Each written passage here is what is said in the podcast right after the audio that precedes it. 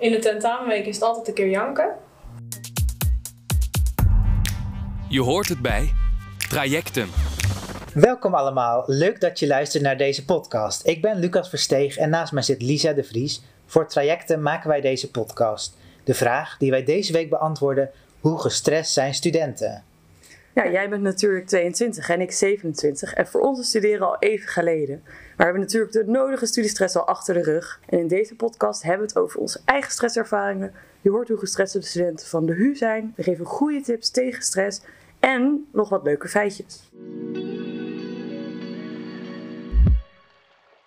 Hoe heb jij dat ervaren toen je nog studeerde? Ik heb trouwens de culturele antropologie gestudeerd op de Universiteit Utrecht. Mhm. Voor de luisteraars. Tijdens mijn bachelor eh, las ik best wel weinig en dan bewaarde ik alles voor het laatste moment. Dus dat was dan vier dagen voor een tentamen. Ging ik even een heel boek lezen. Dat was misschien niet de beste beslissing van mijn leven. Of soms ging ik ook dromen over de stof, omdat je dan Oh ja. zo in een paniekstroom aan het leren bent. Ja, ik heb dan HBO journalistiek gedaan in Ede.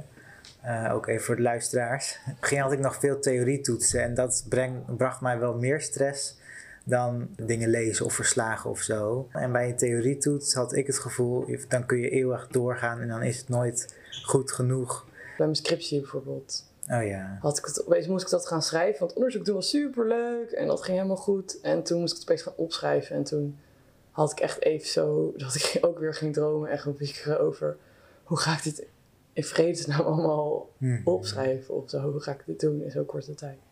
Ja, een En scriptie.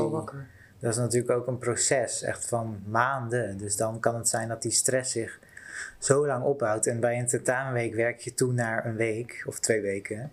Ja, het is gewoon niet een leuke tijd. Je mentale gezondheid gaat even naar beneden of zo. Omdat je bent zo gefocust op één ding. Het wordt zo groot in je hoofd ook, denk ik. En achteraf denk je echt waarom. Ja, Als je eenmaal klaar bent. ja, maar je hebt dus als stressoorzaak heb je de druk van een bepaalde prestatie. Dus bijvoorbeeld zo'n scriptie of een, eh, een tentamenweek. Maar wat heb je nog meer voor oorzaken?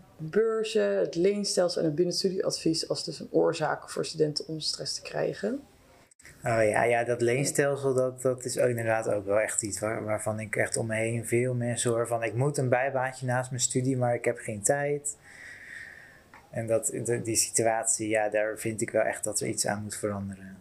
Ja, want had jij, eh, heb jij een bijbaantje gehad, eh bijbaan naast je studie? Eh, af en toe, maar ik heb ook stages waar ik wel stagevergoeding kreeg. En daar eh, past het gewoon echt niet erbij, een bijbaantje. Ik heb dan qua journalistiek heb ik nog freelance klusjes gedaan. Ah, dat is toch anders, want dat kun je op je eigen tijd doen. En als je gewoon bij een café werkt, twee avonden per week, dan zit je er echt aan vast. En ik kan me voorstellen dat dat, dat ook weer stress geeft. En, eh, Ja, de woningnood is ook bezig. ja, ik bedoel, even een ander, eh, oorzaak. Ja. ander probleem.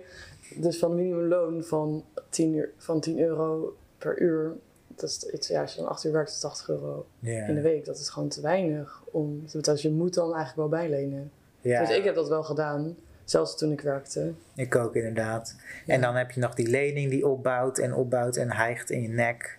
Het vinden van een baan en zo, dat is ook natuurlijk stress. En, Ja, met HBO kan je wat meer voor mijn gevoel.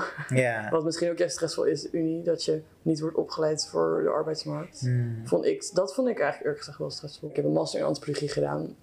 En een bachelor, dat was natuurlijk niet de makkelijkste keus. Nee. En ik heb best lang veel freelance dingen gedaan, maar best lang gezocht echt naar leuk werk, weet je wel, wat echt past binnen mijn studie. Daar kreeg ik eerlijk gezegd ook heel stress van. Mhm. En dat zoeken was ook tijdens coronatijd. Oh ja. Dus ik heb heel veel sollicitatiegesprekken gehad dat ik online, dat ik dan online moest doen. Oh. Zo zat ik wel eens met zo'n net shirt en een joggingsbroek aan. Voor de grap, omdat ik dacht, het kan. Ja. Dit is echt het enige moment dat het kan. Mhm. Ehm, en gewoon wel goed voorbereid hoor. Mhm. Maar dat gaf mij ook wel heel veel stress eh, zelf. Ja. Maar dat is misschien weer anders. Ja, dat is meer afgestuurd stress. Ja, maar dat is toch iets wat de studenten van nu te wachten staat. Ook al is dat allemaal niet een heel mooi vooruitzicht. Maar, want sommigen zullen wel meteen een baan vinden, natuurlijk. Maar goed, de studenten in deze school, die zijn nu veel aan het zwoegen en blokken voor de komende tentamenweek. Zullen we ze even wat gaan vragen over hoe zij nu in het stressleven staan? Heb eh, vijf, dus ik ben eh, heel ziek. Dus ik loop achter. Dus nu heb ik wel stress, ja. En hoe uitzicht die stress? Eh, heel veel malen in mijn hoofd. Heel veel ja, doordraaien in je eigen gedachten. Gaat allemaal prima op dit moment. Nergens echt stress voor. En eh, heb je een geheime tip? Oeh, die is lastig. Eh, niet zo snel stressen. Hoe gestrest ben je op dit moment? Eh, matig tot zeer erg, denk ik. En kun je dat toelichten? Ehm, nou, de tentamenweek is bijna. Ik denk dat jullie dat wel herkennen. Eh, veel wat je moet inleveren, veel wat je moet doen. Eh, wij doen een leraaropleiding, dus we moeten ook onze lessen nog voorbereiden. Er zijn deadlines en eigenlijk is er altijd te weinig tijd. En hoe uit die stress zich bij jou? In de tentamenweek is het altijd een keer janken, denk ik. En na de tentamenweek ben ik moe, heb ik hoofdpijn, slecht slapen. Eh, en moet ik echt gewoon gaan liggen om weer op te, op te laden, denk ik. Oké, mag ik eh, wat vragen? Ja, kom lekker zitten. Pak je ook even? Hoe is het op dit moment met jouw stressniveau? Eh, hoog. Ja, ik heb volgende week natuurlijk ook tentamens. En eh, ik moet best wel veel doen in een korte tijd. En qua klachten, lichamelijk of geestelijk, heb je daar ook last van? Nee, dat valt wel mee. Dat ja, nou, ik, ik slaap wel slechter. Dat, dat merk ik wel. Eh, dus ja, je, zit toch wel elke keer te denken van ja, hey, ik moet toch wel veel doen. En ja, dus dat moeilijk in slaap komen, dat merk je. En hebben we nu drie hele leuke feitjes voor bij de koffieautomaat. De eerste, wist je dat appels, spinazie en mandarijnen helpen tegen stress? Dus eh, ren naar de winkel zou ik zeggen. En als tweede zijn twee keer zoveel vrouwen als mannen overspannen. En de gemiddelde leeftijd van overspannen zijn is 40 jaar. Wist je dat 1 miljoen Nederlanders antidepressiva slikken tegen stress? Eh, of het helpt, dat is trouwens niet helemaal bekend. Nou, nou, interessant.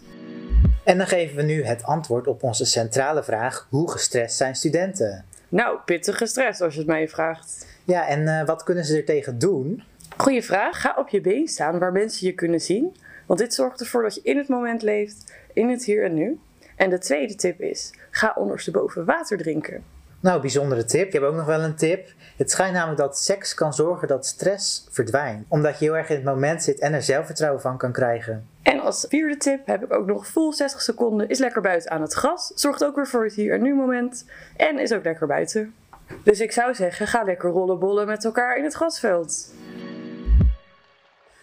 Dan zijn we alweer aan het eind gekomen van deze podcast. Heel erg leuk dat jullie hebben geluisterd. Oké, doei! Je hoort het bij Trajectum. Wist je dat. ik raak afgeleid van jou. Helemaal gestrest ruiken wij hiervan. Helemaal gestrest.